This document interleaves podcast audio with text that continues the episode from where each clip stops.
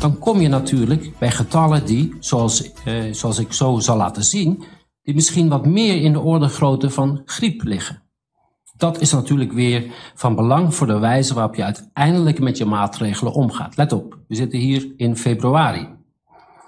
En hij zegt, ik wil u ook nog even het influenza-seizoen laten zien.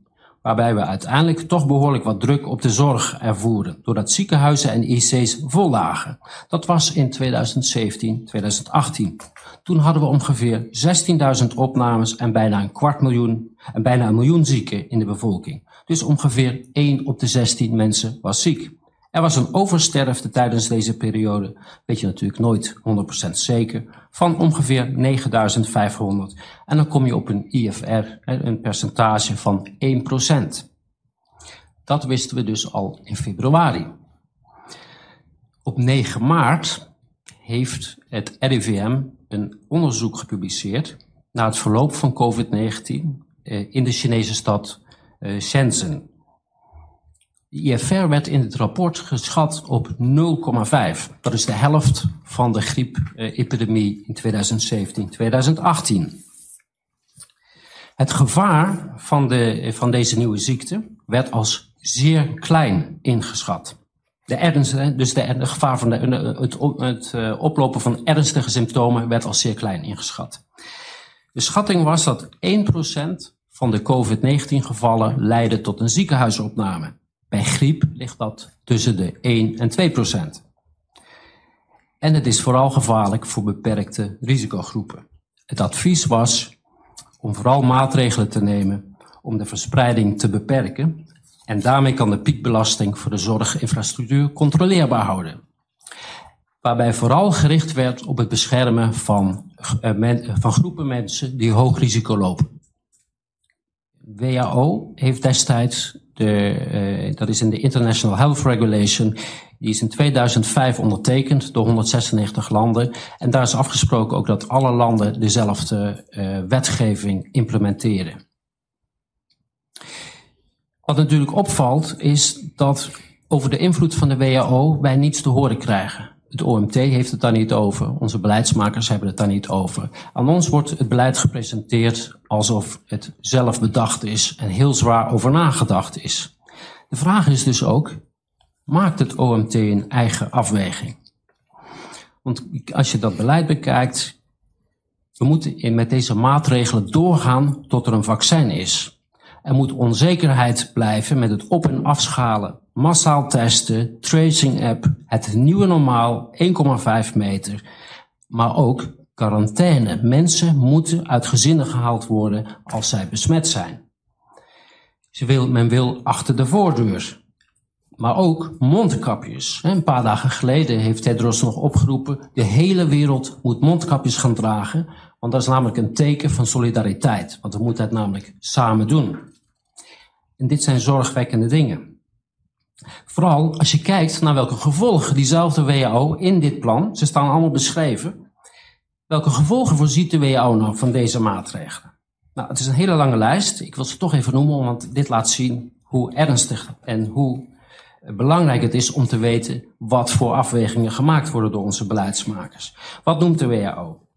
Afnemende informele zorg, een toenemend isolement van ouderen, toenemende genderongelijkheid, stijgend aantal zelfmoorden, afnemende baanzekerheid, afnemende werkgelegenheid, toename van huiselijk geweld, hogere infectie- en sterftecijfers van gemarginaliseerde bevolkingsgroepen en mensen met slechte gezondheid in gebieden met kwetsbare gezondheidssystemen, hogere mortaliteit, hogere morbiditeit, toename van alcoholgebruik, toename van armoede en het aantal werkende armen, honger, voedsel- en brandstofonzekerheid, toename van vermijdbare ziekenhuisopname. Werkloosheid stijgt en blijft hoog. Geestelijke gezondheidsproblemen. Een toename van de criminaliteit. Faillissementen en sluitingen ondernemingen. Wegvallen van de sociale cohesie. Langdurig slechte gezondheid. Vertraagd herstel en groeiende regionale verschillen van de economie en gezondheid toenemende ongelijkheid, langdurige werkloosheid, stigmatisering, xenofobie, slechte jeugdervaringen, schooluitval voor kinderen uit achterstelde bevolkingsgroepen, toenemende stress en wanhoop, criminele uitbuiting, woekeraars, aanwerving door georganiseerde criminaliteit, toenemende onzekerheid, toenemende dakloosheid en toename van het aantal mensen zonder onderwijs, werk of opleiding. Dit zijn de voorspelde gevolgen van het beleid wat nu gevolgd wordt door onze beleidsmakers. En wat is het hoofddoel nu, volgens de WHO van dit doel? Dat is om een virus wat vergelijkbaar is met de griep, de verspreiding daarvan te voorkomen. Hoe kan een keuze gemaakt worden om ten koste van deze schadelijke gevolgen een beleid te kiezen om een, dit virus te bestrijden. De rechtsstaat wordt afgebroken en de verwachting zal er meer sterfte zijn als gevolg van de maatregelen als dat voorkomen wordt door de maatregelen. Dan kom ik bij een ander heel belangrijk punt waar op dit moment veel discussie over bestaat. Dat is namelijk de PCR-test. Het hele beleid is gebouwd op het aantal positieve resultaten die, uh, die komen van PCR-test. De maatregelen worden daarmee gerechtvaardigd. Men wil mensen hun vrijheden uh, ontnemen. Uh, quarantaine, reizen wordt verboden. Zelfs de noodwet is gebaseerd op dat wij hebben allemaal positieve testen. Het is een onnavolgbaar beleid. Op dit moment worden meer dan 100.000 testen per week gedaan. Hebben we nog nooit gedaan. Bij geen enkele epidemie hebben we ooit het idee gehad om hele bevolkingen te gaan testen, kijken of zij positief zijn. In Duitsland maakt het overigens nog gekker. Daar hebben ze afgelopen week 875.000 testen in één week gedaan. In de media worden die positieve testen geïnterpreteerd als besmettingen. En sommigen gaan nog verder, die noemen het gewoon patiënten. Zelfs op de website van het RIVM werd op een gegeven moment gesproken van patiënten. Dit terwijl een positieve test geen enkele betekenis heeft. Iemand is niet ziek, iemand is niet besmet. En over die PCR-test is de laatste tijd heel veel vragen zijn daarover gekomen. Want door het gebruik van die test en het testbeleid wordt een dynamiek gesuggereerd die niet bestaat. Het percentage is al maandenlang in het bereik van 1%. Tussen week 22 en 28 is het gedaald van 2% naar 0,5%. Op zich is de PCR-test een prachtig instrument, maar niet voor een klinische diagnose, omdat uit verschillende onderzoeken blijkt dat je tot gemiddeld 3% valse positieven hebt. Dat betekent dus als je een land hebt waar geen enkel iemand rondloopt met het coronavirus en je doet 100.000 testen, heb je nog steeds 3000 positieve testen. En het beleid wat wij nu hebben, betekent dat dat al die maatregelen die wij nu hebben, dat u tussen plastic, plastic schotjes zit, dat die hele rechtbank, eh, dat hier een paar stoelen staan in die zaal, dat is allemaal gebaseerd op deze testen. In Duitsland is er wel een onderzoek gedaan naar die testen door Duitse Accrediteringsstelle. Dat is vergelijkbaar met het Nederlandse Meetinstituut. Zij hebben de betrouwbaarheid van verschillende fabrikanten onderzocht. In dat onderzoek zijn naast echte COVID-19 samples ook twee onschuldige coronavirussen en een placebo door de test gehaald. De resultaten zijn schokkend. Een onschuldige verkoudheidsvirussen testen zelfs tot 7,6% van de gevallen positief. In 1,4% eh, van de gevallen gaven placebo's eh, positief.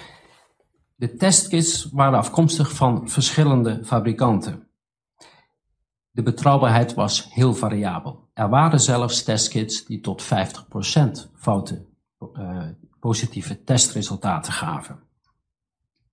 Dus dat doet je afvragen, hoe kan het dat het RIVM elke positieve test naar buiten brengt als een besmetting? Dat is misleiding. Overigens erkent het RIVM zelf ook dat de test onbetrouwbaar is. Op de website is te lezen, van het aantal positieve testen kunnen er relatief veel foutpositieven zijn. En dit is gebaseerd op het Amerikaanse onderzoek Hoe minder frequent een virus voorkomt, hoe minder waarde gehecht mag worden aan een positief testresultaat. Dat betekent, op basis van de testresultaten kan op dit moment niet vastgesteld worden of het virus aangetroffen wordt, omdat er gewoon op dit moment veel te weinig besmettingen vast of positieve testen eh, zijn. Daarom is het noodzakelijk dat de technische en klinische validatieonderzoeken van deze testen op tafel komen. Van Dissel zei in de briefing van 4, maart, eh, nee, 4 februari over die validatie, ik citeer even, het is natuurlijk essentieel om een test te hebben die gevalideerd is en waarvan je precies weet wat je ermee kan in een situatie als die positief en negatief is. Let op, dit zijn woorden van Van Dissel zelf. Indien uit deze onderzoeken blijkt dat de onnauwkeurigheid, eh, door de on onnauwkeurigheid, die testen nooit de basis hadden mogen vormen van het beleid, is dat onrechtmatig inderdaad wel gebeurd. Wij vermoeden zelfs een grootschalige zwendel met manipulaties van de PCR-test. Ook op Kamervragen eh, houdt de minister zich op 25 juni van de domme. Want ook toen is gevraagd, mogen wij die validatieonderzoeken hebben? De minister zegt, ik weet niet over wat voor onderzoek u dat heeft. Dus de vraag blijft, er is heel veel discussie over. Waarom worden deze onderzoeken niet gewoon op de website gezet? Zodat we allemaal weten waar testen deze testen positieve op? Wat zijn de kruisreacties? En hoe serieus moeten wij deze test nemen als er zo weinig gevallen zijn? Nogmaals, het is een andere situatie voor bevolkingsonderzoek. Als er heel veel positieve testen zijn, dan kan je daar wat mee, maar niet als het binnen het bereik is van een, eh, van een aantal procenten. Dan weet je niet of het vals positieve zijn of dat het besmettingen zijn. Dan de overige bewijsstukken die wij vragen. Dat is een onderbouwing van de anderhalve meter regel. Deze regel die zorgt voor een obstructie van de hele samenleving. Dat is ook de reden waarom de hele horeca failliet gaat, waarom andere bedrijven nauwelijks kunnen werken.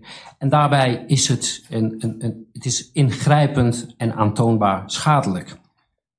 Het veroorzaakt een polarisatie. De hele bevolking wordt tegen elkaar opgezet.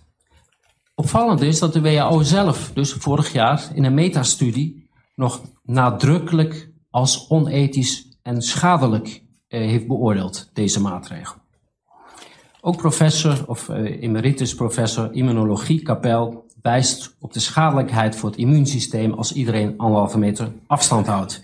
Wij willen weten welke onderbouwing heeft het OMT en wat is er afgewogen over de effectiviteit, proportionaliteit en noodzakelijkheid. Ander belangrijk punt is de autopsie, de protocollen van de autopsies. Wij willen alle stukken hebben waaruit blijkt wat voor beleid er gevoerd is met de autopsies van COVID-19 gevallen. Dat is heel belangrijk, want dat is namelijk de basis om te weten of iemand überhaupt aan COVID-19 gestorven is. Zonder autopsie weet je dat niet. Dus hoeveel zijn er uitgevoerd? Wat waren de resultaten?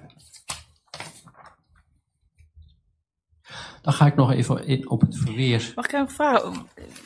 Hoe weet u dat u zijn uitgevoerd überhaupt? Of weet u dat ook niet? Heeft u daar iets over gehoord of gelezen? Of is het echt een vraag voor u of het gebeurt? En... Wij weten niet of het gebeurt. Nee, oké. Nee.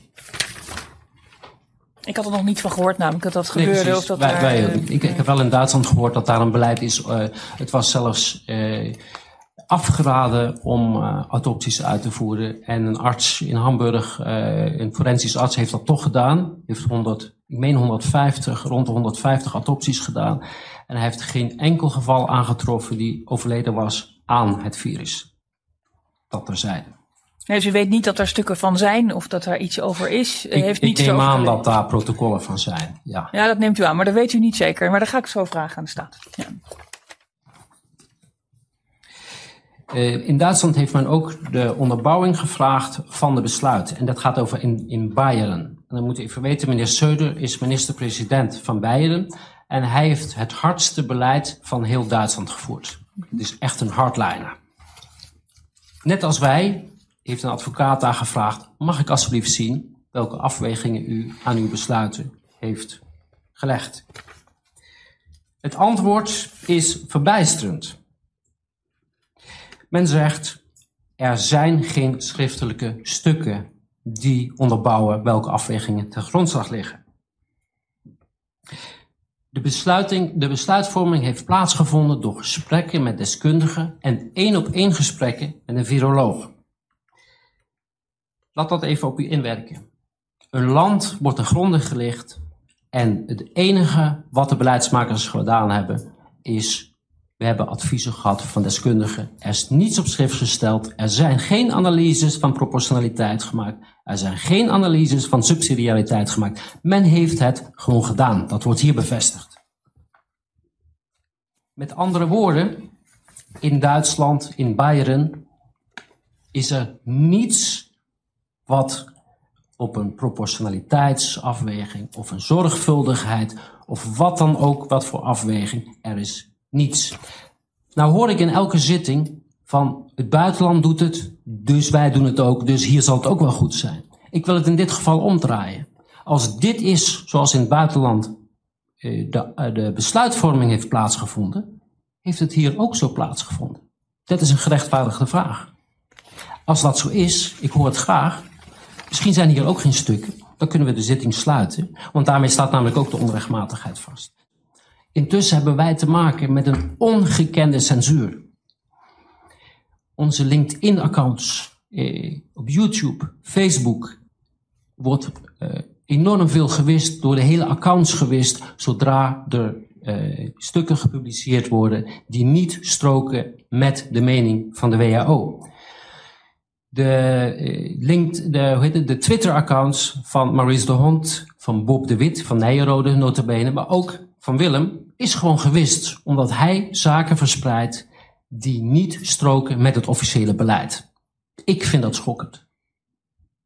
Waar is onze rechtsstaat? Waar is onze vrijheid van mening gebleven? Kijk naar wat er bij de demonstratie gebeurd is. Alles staat op beeld vorige week. Het was niet onze demonstratie, maar het was de bedoeling dat de rellen uitbraken. Knokploegen van de politie springen uit een busje, beginnen in het wilde weg iedereen neer te knuppelen en verdwijnen weer. Waarom? Om ons in een kwaad daglicht te stellen. Ik snap uw boosheid, maar wat wilt u daar met tegenover Ik wil mij? daarmee zeggen, ik zit hier tegenover de staat. Ik vind het belangrijk dat eh, wij proberen een normaal debat te voeren. Mhm. Ik vind het belangrijk dat het eh, bekend is wat hier gebeurt. Hè, we hebben het hier over de rechtsstaat. Dit past niet in een rechtsstaat. Maar voordat ik dat doe, wil ik benadrukken dat de dagvaarding en ook het pleidooi van vandaag geen recht doet aan de transparante wijze waarop de advisering over het coronavirus plaatsvindt.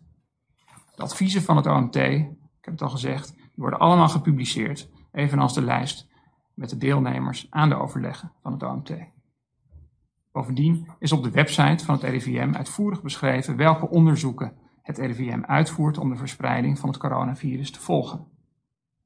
Ook onderliggende data en rekenmodellen van onderzoeken van het RIVM zijn terug te vinden op zijn website en dus voor iedereen, ook voor eisers, toegankelijk. En ik begin dan met wat in de dagvaarding wordt aangeduid als rapporten van het Pinto Corona onderzoek. De zogenaamde Pinto Corona studie is een doorlopend onderzoek van het RIVM naar de verspreiding van het coronavirus onder de Nederlandse bevolking.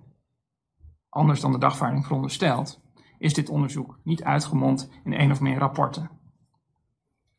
De bescheiden waarover de dagvaarding spreekt, bestaan dus niet, zodat de vordering alleen al daarom ongegrond is. Verder willen eisers, afgaand op de dagvaarding, met name uitleg en informatie over het onderzoek en de gehanteerde methode. Maar daarvoor is artikel 843a als gezegd niet bedoeld. Overigens is het de bedoeling dat het onderzoek, dat Pinto Corona onderzoek, resulteert in een wetenschappelijke publicatie. Het beoogde artikel over de eerste periode van het onderzoek is op dit moment onder internationale peer review en wordt hopelijk ook snel gepubliceerd in een gerenommeerd tijdschrift. Eisers kunnen daar dan desgewenst kennis van nemen en zich een mening vormen over de gehanteerde methode, de gebruikte data en de getrokken conclusies. Tot het moment van publicatie worden methodes en data echter, zoals gebruikelijk bij dit soort onderzoek, niet naar buiten gebracht, aangezien dat de publicatie in gevaar zou brengen. De volgende categorie is uh, die van de onderbouwing van de anderhalve meter regel. Nou, bij die categorie verwijs ik ten eerste naar wat ik eerder heb gezegd. Eisers hebben jegens de staat geen aanspraak op het verschaffen van de onderbouwing, wetenschappelijke onderbouwing, van de anderhalve meter regel of van het advies om die regel te hanteren. En de categorie voldoet bovendien evident niet aan de eisen van artikel 843a. En van bepaalde bescheiden is immers geen sprake. Mag ik u daar ook, voor, ook een vraag stellen? Tuurlijk. Is die er wel, een wetenschappelijke onderbouwing? Want u zegt, um, viruswaarheid heeft daar, eh, heeft daar geen aanspraak op, maar is die er wel, een wetenschappelijke onderbouwing? Ja, kijk, het advies om die maatregel in te voeren, dat, dat berust natuurlijk op, uh, op, op de inzichten, kennis en inzichten van die deskundigen in dat OMT. Mm -hmm. En ja, die zullen natuurlijk daar hun redenen voor hebben. Maar uh, persoonlijk ken ik, ken ik die niet. Ik kan, ik kan niet hier een wetenschappelijk artikel noemen zoals ik dat net heb gedaan, maar dat, hè, dat lijkt me ook niet. Uh, maar ik denk dat eisers doelen, maar dan vul ik het voor u in, dat er uh, wat, daar moet iets van onderbouwing voor zijn. En u zegt, als ik u goed beluister, maar misschien begrijp ik het verkeerd, dat heeft in het OMT plaatsgevonden op mondelinge wijze. Daar is niet een schriftelijk stuk over geweest, want dat is denk ik de vraag van u. Waarop, nou, waaruit geput, waar onderzoek in heeft plaatsgevonden, of dat effecten heeft, welke effecten dat heeft. En waarop mede hè, de beraadslaging van het OMT heeft plaatsgevonden. Ik denk dat u daarop doelt. Klopt dat? Dat durf ik niet te zeggen. Maar ik zei natuurlijk al, het is niet aan de staat om uh, de onderbouwing te geven die die individuele uh, deskundigen uh, hebben voor het geven van hun advies. Kijk, die adviezen, dat zijn ook geen wetenschappelijke publicaties hè, met bronverwijzingen naar, naar, naar, tijds, naar tijdschriften. Dat snap ik. dus Nee, maar goed, u, u zegt, bij mijn weten is dat, niet, is, is dat er niet. Hè? Dat is wat u zegt, uh, in ieder geval die wetenschappelijke onderbouwing van die anderhalve meter. Uh, nou, dat, dat, dat, zeg ik zeker niet. Oh. Die, is er, die is misschien wel degelijk. Maar wat ik wil zeggen is dat in de adviezen niet een verwijzing staat, hmm. bij mijn weten ook, hè, naar een wetenschappelijke publicatie. Maar ik zei al, zo'n advies is ook hè, geen wetenschappelijke publicatie met nee, wetenschappelijke verantwoording. Maar mijn vraag is alleen, er wordt net gezegd, door, door de Staten komt een, uh, een gevalideerde uh, en volgens de regelen der kunst uh, komt er een publicatie over waarin die onderzoeken worden meegenomen. Het is heel vreemd, want tijdens ja, deze... Je ziet op die onderzoeken, hè, en er worden ook onderliggende modellen en data en dergelijke worden uh, openbaar. Ja, dus dat vergt nog enig geduld, want ik snap dat u dat eerder wil weten, het, maar ja. Dan wil ik even het PCR-onderzoek erbij halen, waar ik dadelijk nog wat uitgebreider op in wil gaan als dat mag. Uh, dat werd in één week gepubliceerd uh, vanuit onderzoek naar preprint. Dus kennelijk kon dat heel snel, want er was een crisis gaande. Oh nee, er was nog geen crisis gaande, want we hebben het nu over begin januari of half januari. Nu is er geen crisis meer. Uh, maar wordt er wel een crisis geclaimd? En wordt er geclaimd dat er een peer review nodig is voor publicatie? Dat is echt onzin. Bijna alles in coronatijd wordt met een preprint gepubliceerd. Waarbij je dus het alvast op de website zet, zodat mensen er kennis van kunnen nemen, omdat het zo belangrijk is voor de wetenschappelijke discussie. Um, en die peer review die kan dan later plaatsvinden en dan moet eventueel de publicatie worden aangepast deze publicatie van Korman over de PCR-test. Misschien kunt u iets naar achter, want ja. anders dan gaat het uh, gewoon. Ja. De publicatie van Korman uh, over de PCR-test is ook al na publicatie een aantal keren aangepast. Mm -hmm. Dus dit is, een, dit is uh, vrij standaard. Dus maar dat klinkt erg door in uw stellingen dat u ja. het RIVM niet vertrouwt. Ja, zo zeg ik het maar, want zo beluister ja, ik het. Dat is absoluut waar. Wij vertrouwen het niet. Want anders zouden we deze procedure niet starten. En uh, wij willen graag. Maar welk belang heeft het RIVM uh, om iets te doen waar uh, de bevolking slechter van wordt? Ja, ik, ik probeer ja. even toch. Uh, ja, want... Maar daar ga ik niet over. Ik ga niet speculeren. Nee, gelukkig. Naar, naar, Moet je ook niet doen. naar intenties van nee. een, een, een, een Maar uw gebrek aan vertrouwen, zo noem ik het dan maar, komt voort uit het gebrek aan openbaar maken Absoluut, van die stukken. ja. Mag ik het zo begrijpen? ja. En daar komt nog bij dat we het gevoel hebben uh, dat er expres iets wordt achtergehouden. Als ik kijk naar de, naar de resultaten, bijvoorbeeld met de PCR-testen, we zien nu heel veel positieve Maar waarom zou dat dan zijn dat er expres iets wordt Nee, achtergehouden? dat ja. wil ik even toelichten. We zien nu heel veel positieve gevallen, maar Ja. de ziekenhuisopnames blijven achter. Waarom wordt daar geen adequaat onderzoek naar gedaan? Dat weet ik niet. Of dat misschien gebeurt dat wel. Nou, ja, Ja, maar dat weet u ook niet. Ja, ik ook niet hoor. Maar ja. Kijk, belangrijk is natuurlijk, er wordt gewoon naar dat rapport verwezen in de kamers. ja. En tegelijkertijd weiger je het openbaar te maken. Dat kan natuurlijk niet. Hoe kan je beweringen gaan doen die niet te staven zijn? Als jij verwijst naar een eh, rapport, je zegt meneer, wij moeten nog echt enorme maatregelen nemen, want we zijn nog lang niet bij groepsimmuniteit. En wij doen dat op basis van een onderzoek wat we gedaan hebben. En vervolgens weiger je dat onderzoek vrij te geven. Ik weet niet hoe dat op u overkomt, maar dat is, eh, dat is echt een, een, een, een, handelwijze die, die niet past eh, in zo'n situatie als deze. Waar zoveel van afhangt, waar zoveel schade mee aangericht wordt, moet er gewoon transparantie zijn. Wat gebeurt hier? En dat ontbreekt. namelijk de casus van Zweden, waar ze inmiddels groepsimmuniteit hebben bereikt. Als we die vergelijken met ons model, dan komt het redelijk goed overeen. En dan zien we dat er misschien een paar duizend IC-opnames zijn voorkomen. Is er in Zweden al niet 36.000. groepsimmuniteit? Sorry? Is er in Zweden al groepsimmuniteit vastgesteld? Ja, die is Dat was, vastgesteld. is mij niet bekend, maar dat heb ik gewoon gemist misschien. De, de berichtgeving over Zweden is erg onderdrukt in Nederland, maar eh, ik, kun, ik kan u verzekeren dat het Ja, ik eh, hoor gewoon voor het eerst. Dus even mijn verbazing dat dat eh, kennelijk is vastgesteld. Eh, Het lijkt mij het eerste wat jij als overheid moet doen. Het om gaat, en dat is, ik eh, kan het alleen maar herhalen. Er moet een proportionaliteitsanalyse zijn. Er moet een subsidiariteitsanalyse zijn.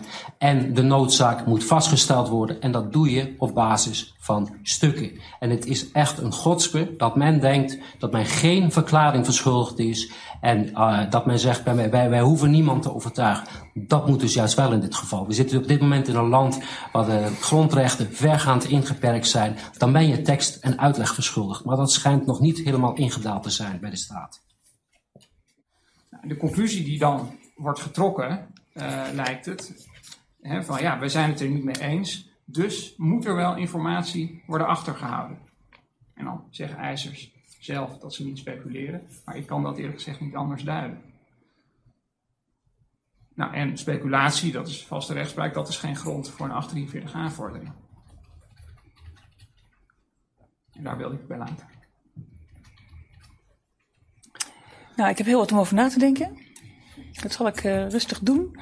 Maar niet te rustig, want u heeft natuurlijk een belang om eh, ook eh, duidelijkheid te krijgen. Maar ik ben bang dat wij pas op 9 september dan echt uitspraak kunnen doen. Dus iets langer dan twee weken, omdat we twee dagen hebben op uitspraak doen.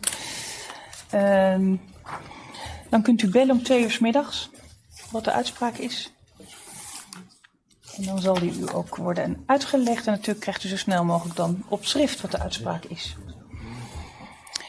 Ik beschik over alle stukken volgens mij. Ik dank u zeer voor uw toelichtingen. Ehm, en ik wens u een hele prettige dag verder. Dank Ja? u eh, voor uw tijd. Dank u wel. Dank u zeer.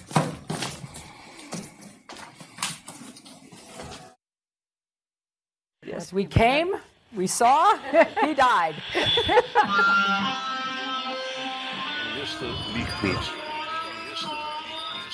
Every nation in every region now has a decision to make. Decision to make. Decision to make. You think I'm joking? Predator drones. You will never see it coming. Laat staan dat ik eh, kan ingaan over vuur.